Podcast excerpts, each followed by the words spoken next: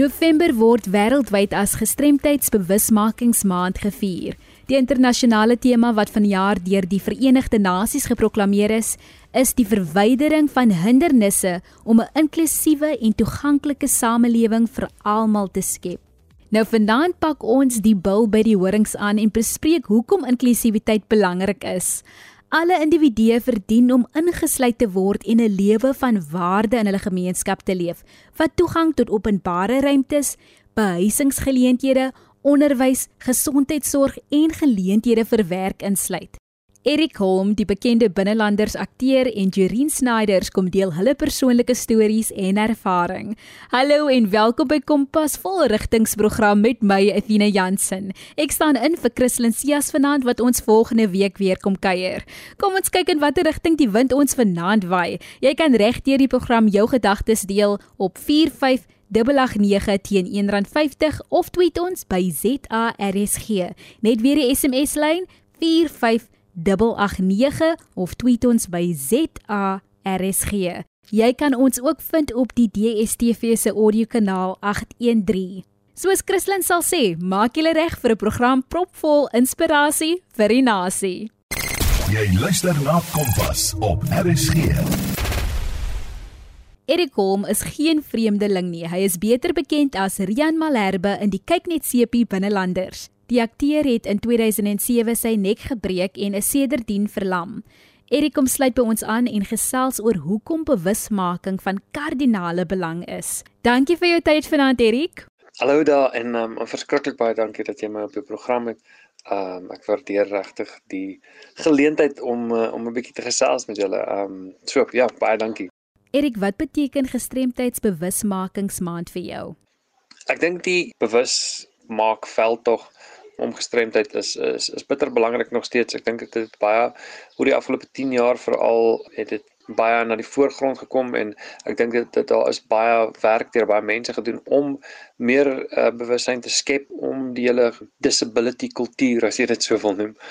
En ek dink dit is belangrik want voor ek byvoorbeeld in 'n in 'n rolstoel was, voor ek self my nek gebreek het, het ek omtrent nul kennis of bewussyn gedra van van die die grootte en die omvang van wat disability is en en hoe wyd dit strek en hoeveel mense dit affekteer en wat dit regtig beteken en en jy weet dit dit is so half 'n vreemde verre ding gewees en ek dink om dit tuis te bring om werklik vir mense uh gemaklik te maak met die kennis en die wete van die die mense wat geaffekteer word daardeur dink ek is ongelooflik belangrik.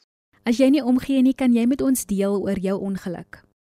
My ongeluk was ek dink omtrent so 13 14 jaar gelede het dit my kwadripleeg gemaak. Ek het in 'n in 'n vlak dam agter 'n bal aangeduik. Ons het volleybal gespeel en en die bal het in die water beland en ek het agter hom aangeduik en dit is regtig die definisie van die van die terme frats ongeluk. Daar was geen kwadwilligheid nie, daar was geen alkohol nie, daar was geen dit was maar net 'n dis maar net wat gebeur het, jy weet, en ehm um, daar in daai oomblik het my lewe handomkeer verander. Daai stadium het ek dit natuurlik nie geweet nie, maar ek moet sê dit is dis 'n vreemde ding as ek nou terugkyk daarop. Is dit nie meer vir my so vreesaanjaend soos wat dit wat dit was in die verlede om na terug te kyk nie. Dit is natuurlik nie 'n lekker ding om aan te dink nie, maar dit is nou vir my baie meer net deel van my van my storie as 'n uh, punt wat my wat my definieer. Is dit meer net 'n 'n stuk van my lewe. Wat sou jy sê is die fases waardeur 'n mens gaan wanneer jy in 'n ongeluk betrokke was? Ek dink werklik en ek dit klink nou so 'n bietjie soos 'n soos 'n ou geuites gesegde, maar dit elke mens gaan deur verskillende fases op verskillende maniere en verskillende intensiteite. Ek dink van so die 5 stages of grief, ek's nou nie mooi seker nie denial, anger, depression, acceptance, bargaining. Uh, en ek sê hulle nou verkeerd om met met met rede want jy gaan nie deur net een en dan skuif jy oor na die volgende nie. En jy gaan jy gaan nie net een keer deur 'n fase nie. Jy gaan miskien terug en vorentoe en dis so 'n bietjie soos golwe, jy weet, partykeer tref 'n 'n groot een jou en dan is daar weer 'n bietjie stilte en dan ewe skielik kom iets terug wat wat jy gedink het gedink het al klaar verby is so die fases dink ek moet mense mooi verstaan ook is is net 'n verwysing vir ander mense om miskien te kan verstaan of 'n bietjie begrip te probeer hê vir waar jy gaan. Dit is nie 'n padkaart van van hier af tot daar en dan is jy nou daar deur nie.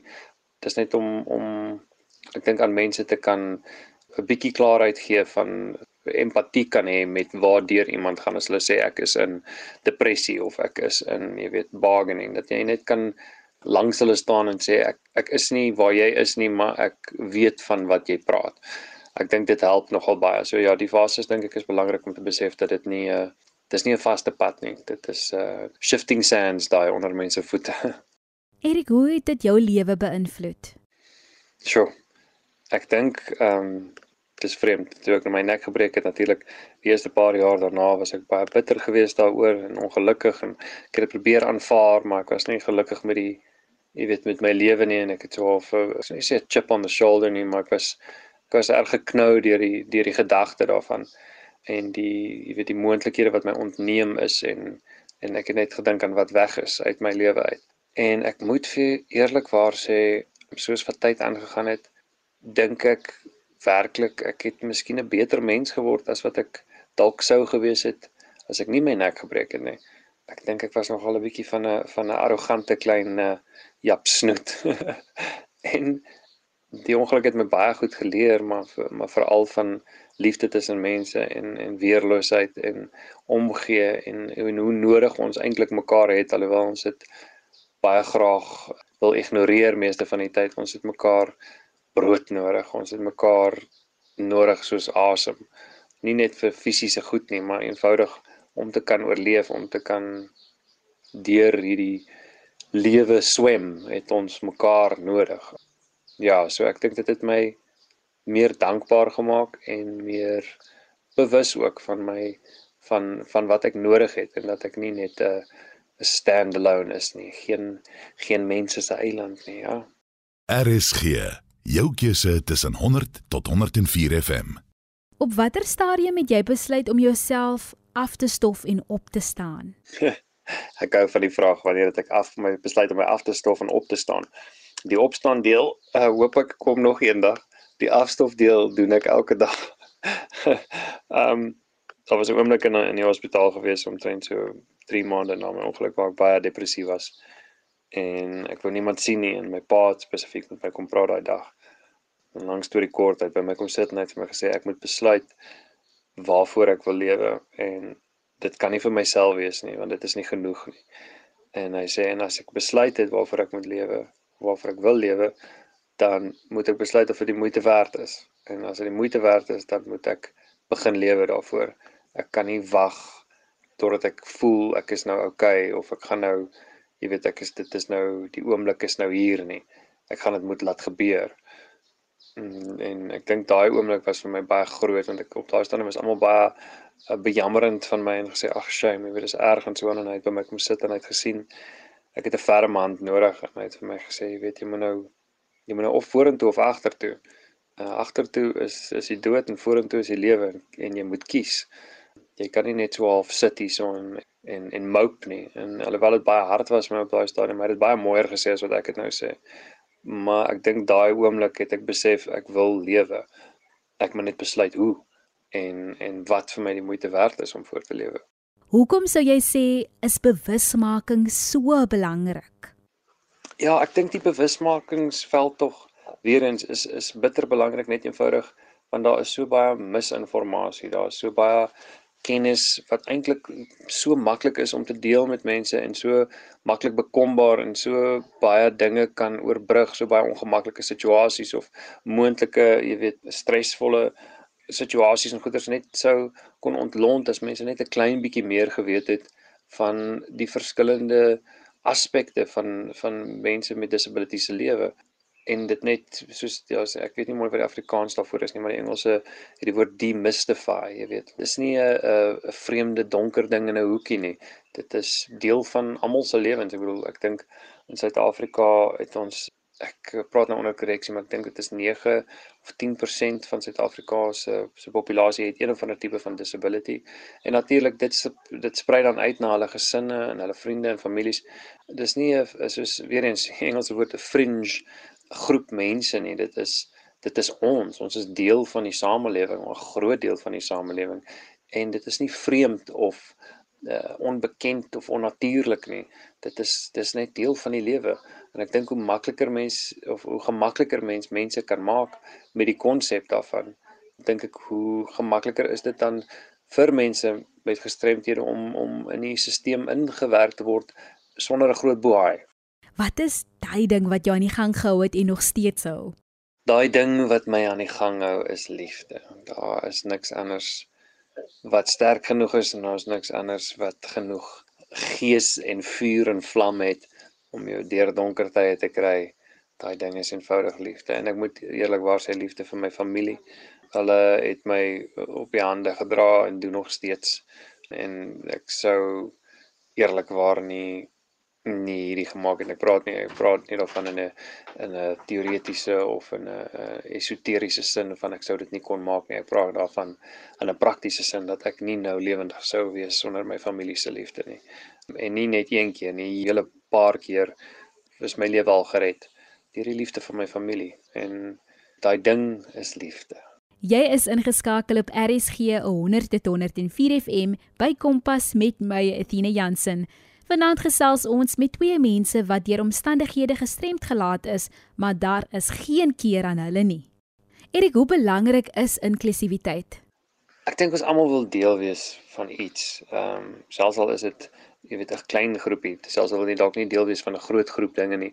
Almal wil voel hulle hulle behoort en hulle hulle is gesogd in die plek waar hulle behoort. So jy wil nie net voel jy's deel van iets nie, maar dat jy 'n belangrike deel uitmaak van iets en dat jy spesifiek in daai plek belangrik is, nie enigiemand in daai plek nie, maar dat die plek wat jy opneem binne in 'n stelsel of in 'n gemeenskap, dat jy daai rol ehm um, vertolk uh en dat jy nodig is. En ek dink daai is wat inklusiwiteit vir my beteken is jy is geliefd en jy is gesien en jy is nodig. So ek ek dink dit is wat vir enige mens sin en en rigting aan hulle lewe gee is daai gevoel van ek ek behoort. En om dit ek dink te gee aan mense wat veral maklik voel dat hulle hulle um plek in die lewe geskuif het of op hulle weggeneem is of wat hulle nie meer kan vol staan soos wat hulle voorheen het nie. Of wat van die begin af van hulle lewens af nooit regtig die moontlikhede gegee is om daai nis te vind vir hulle self nie dink ek dit is is van kardinale belang dat dat mens voel jy is ingesluit. Jy is deel van en en jy behoort. En dan om af te sluit watter woorde van bemoediging het jy dalk aan iemand daar buite wat sukkel met gestremthede Sjoe, van al die vrae is hierdie dink ek eintlik die moeilikste een.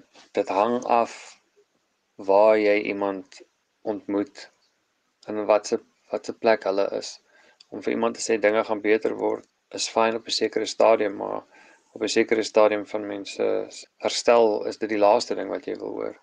Vir mense te sê jy weet hou moed weer eens op in 'n sekere plek en 'n sekere stadium is dit 'n goeie ding om te sê vir iemand maar op 'n ander stadium kan dit hulle werklik eenvoudig in donker indompel wat ek wel kan sê uit my klein bietjie ervaring en en ervaring van die mense om my wat ek gesien het daardeur gaan al of wat besig is om daarmee te ek dink dit is ook belangrik wat besig daarmee is is dat dit word beter dit eerstens altyd dit word beter dit die ergste ding is jy het reeds die ergste oorleef as jy dit hoor as jy hierdie woorde hoor het jy al klaar oorleef dit word beter dit word makliker en jy vind weer sin. Jy 'n mens is 'n ongelooflike ding. Ons is gemaak om om om sin in in dinge te probeer sien en vind en ons is baie goed daarmee.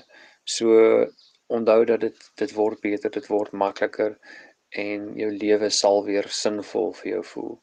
En dit vat lank. En en wees gaaf en lief met jouself. Gee jouself tyd. Wees geduldig en vir die mense wat wat om mense is met met gestremthede of wat deur so iets gaan. Dis dieselfde geld vir julle ook. As jy 'n familielid is of 'n geliefde of 'n vriend of 'n kennis van iemand wat deur so iets moet gaan. Dieselfde geld vir julle ook. Vat die tyd wees rustig, wees lief met jouself. Jy gaan skrik, jy gaan wonder, jy gaan moeg raak, jy gaan negatief raak en en dis oukei. Okay, vat daai tyd vir jou ook en en werk daardeur vir jouself ook. Ja. dit is ek dink wat ek kan sê. Soos Erik gesê het, wees gaaf en lief met jouself. Gee jouself tyd. Eendag sal alles weer sin maak en dinge sal verbeter.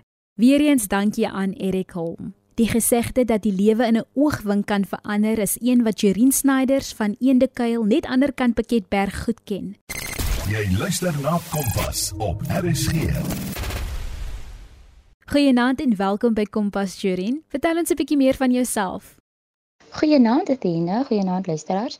My naam is Dorien Snyders. Ek is 28 jaar oud. Ek bly in Eendekuil, by 'n klein dorpie, klein plekkie tussen Strasdal en Biketber op N7. Baie mense vra altyd, "Waar is dit?"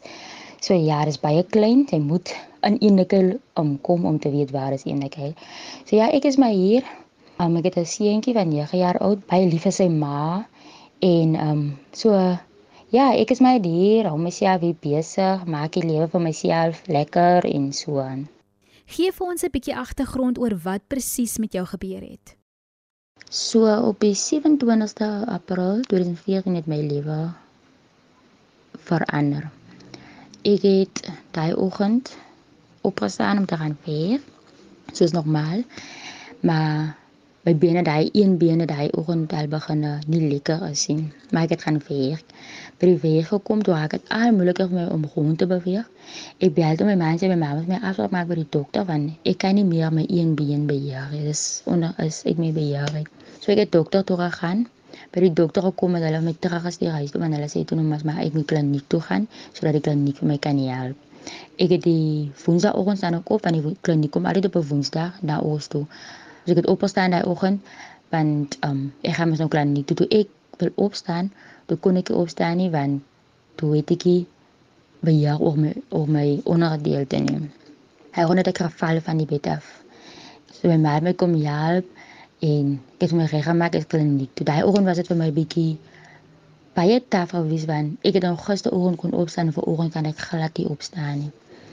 So daai oggend het um ek kliniek toe by die kliniek gekom het hulle sommer onmiddellik die ambulans gebel want niemand weet wat is hier in nie. Dat het hulle nog nooit gesien nie. So daarom is ek opgeneem in die hospitaal. So ek het daar alleen in die hospitaal in Buketberg en Buketberg toe op een of my weer gestuur Tygerberg toe. Ooh, en Tygerberg kom na platteland so meisiekind in hierdie groot hospitaal. Ooh, ek was bang geweest.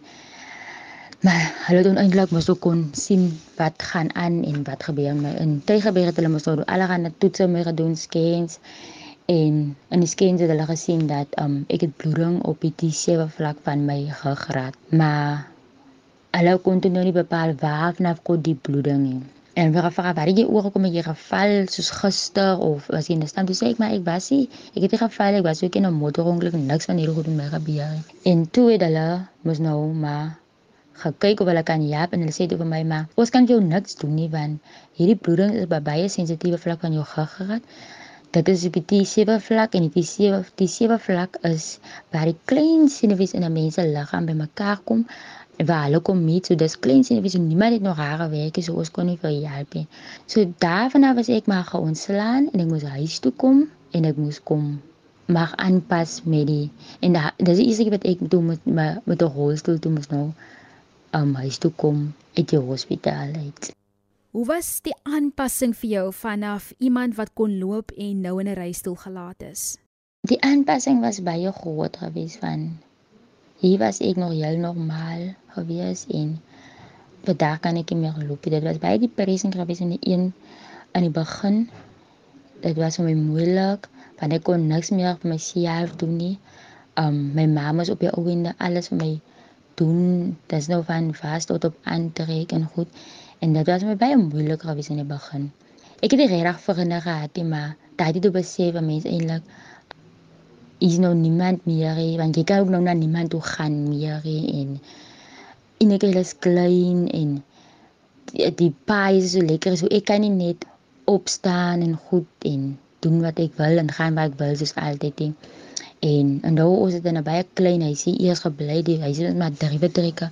So ek kon nie eers meer van die bed af op my stoel klim om te rond te beweeg. Ek moes letterlik wag vir iemand om my te kom help om my stoel te klim, waarom vir my uit te vat by die deur. Al hierdie klein goedjies was baie moeilik geweest. Maar ja, ek is daardeur ook. Was of is dit tans nou moeilik vir jou om die lewe in 'n rolstoel aan te pak? In die begin was dit moeilik geweest want dit is 'n nuwe ding vir my geweest. Ek het weer reg weet hoe hy werkie, wat om te doen nie. En mens sien mos dit al die mense in hierdie goed en hulle lyk heel gemaklik, maar hier vir jou nou in hierdie um hierdie nuwe ding te wees, so jy moet maar nou leer om self oor weg te kom en self dinge te doen. Maar so in die begin was dit moeilik geweest, maar ek is opgeneem in Westcape Bereepsentrum en met gespreek, daai plek het my lewe regtig vir my verander want daar het ek regtig geleer hoe om vir myself te wees, hoe om vir te reinsnyders te wees en hoe om my mens wees vir te wees. So hulle het my regtig geleer om dinge vir myself te doen, hoe om die stoel weer weg te kom. Hulle het my in feite 'n nuwe stoel gegee want ek het toe ek eerste keer toe hulle kom met my stoel was die stoel maar klein, ek kon nie lekker beweeg nie. Ek was 'n bietjie vet gewees so ek was 'n bietjie te groot vir die stoel het my seer gemaak en al van die dinge. Maar toe ek in die reep kom het hulle vir my 'n nuwe stoel gegee volgens my spesifikasies wat vir my baie meer gemakliker was en goed. Ek was sommer heel anders toe ek in hierdie nuwe stoel kry want die stoel het vir my gevoel ja maar ek kan mos maar die lewe aanpak met hierdie stoel. So ja, so dit was 'n bietjie moeilik in die begin, maar ek het gou gou om deel gemaak van my lewe en om deel gemaak van die mens wat ek is. Ek is Athena Jansen en jy's ingeskakel op RSG 100.104 FM. Ons gesels vanaand by Kompas met Jerine Snyders oor haar lewe in 'n reistool. Watter lesse het daardie stoel jou oor die jare geleer? Die stoel het vir my gekom leer dat niemand is te goed om sleg te word en niemand is te sleg om goed te word nie. 'n mens moet nie altyd dink dat hierdie tipe van goed gebeur net met ander mense en nie met jou kan gebeur nie. Dit stoel het vir my geleer dat almal is mens. Almal kan kan val, maar almal kan ook opstaan. En um dit is wat jy op die ouende van hierdie gebeurtenis maak in jou lewe. Hoe jy dit gaan aanpak. En ek het geleer om baie positief te bly baie positief te wees oor alles wat van nou af in my lewe sou gebeur. Dit was moeilik in die begin, was moeilik om aan te pas, maar ek het net positief gebly. Ek is tot op vandag nog positief en ek glo tot vandag toe nog dat ek weer sal loop, dat ek weer kan maak. Nie so ek sal nie sê maak nie, maar dat ek weer die mens kan wees wat ek wil wees of beter. Ek glo ek sal 'n baie beter mens wees as ek eendag kan opstaan die stoel uit. Want ek glo die stoel het vir my 'n beter mens sal kom maak. 'n Mens, jy het dit tyd te verstaan oor hoekom jy hier is, maar vandag sien jy eintlik dat jy jy jy's op 'n ander plek. Ek voel ek is op 'n ander plek in my lewe. Ja. Dit lyk en voel altyd onmoontlik tot jy dit gemaak of oorwin het. Eendag op 'n slag verseker meer tree vorentoe as agtertoe. Dit is die einde van se program. Indien jy enige van ons programme gemis het of selfs net weer daarna wil luister, kan jy dit aflaai op www.rsg.co.za. Klik op die potgooi skakel en soek onder K vir Kompas. Kompas word aan jou gebring deur die SABC Opvoedkunde. Jy kan enige vrae of voorstelle na Christlyn se e-pos stuur. Dit is christlyn.cias1@gmail.com. Christlyn is volgende week weer terug in die aanbiederstoel en soos sy sal sê, wees lekker met ander mense en hulle sal lekker wees met jou.